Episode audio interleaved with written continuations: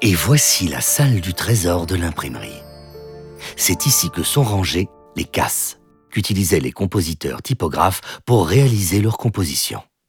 Des casses contenant des lettres de différentes polices de caractères.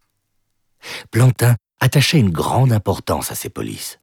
S'il disposait de certaines polices que d'autres imprimeurs n'avaient pas, il pouvait ainsi les surclasser. Plantin optait pour les polices en vogue en France, comme celles des créateurs Grandjon et Garamond. Ces derniers caractères sont encore utilisés aujourd'hui, même s'ils remontent à plusieurs siècles. L'un de nos compositeurs vous présente cette salle. Ah bon, c'est à moi de le faire Euh, Bonjour, je m'appelle euh, Brecht Kousmans et je suis compositeur euh, typographe. Et ce jeune homme là-bas est mon jeune assistant stagiaire. Oui, c'est moi. Bonjour, moi c'est Brian. Alors, nous disposons dans l'imprimerie de quelques 90 polices de caractères différentes. Elles ne se trouvent pas toutes dans cette salle, mais nous les avons en stock, euh, tout en plomb.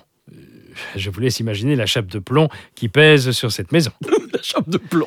Bien trouvé, ça, vraiment. Adriane. Oui, pardon. Euh, Pour être occupé en silence un moment. Bien sûr, bien sûr. Ben, où est-ce que j'en étais Ah oui, mais quelques 22 000 kilos de lettres de plomb au total. C'est lourd, hein Euh, en différents types.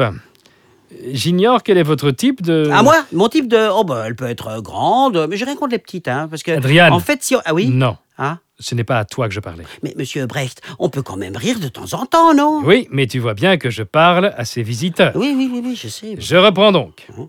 Notre imprimerie dispose d'une série de polices exclusives qui sont hors d'atteinte des autres imprimeurs. Ces casses sont rangées trop en hauteur, c'est ça oui, très drôle. Très... Ah, ça, c'est vraiment. Elle est euh, bonne hein Nous avons Oui, aussi oui, des oui. caractères spéciaux, des notes de musique, de l'hébreu, Ah, du syrien ancien.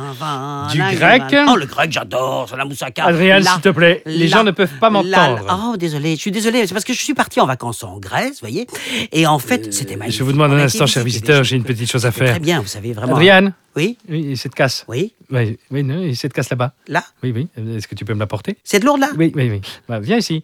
Voilà, un peu plus près. Ah. Oui. Encore un peu. Parfait. Merci.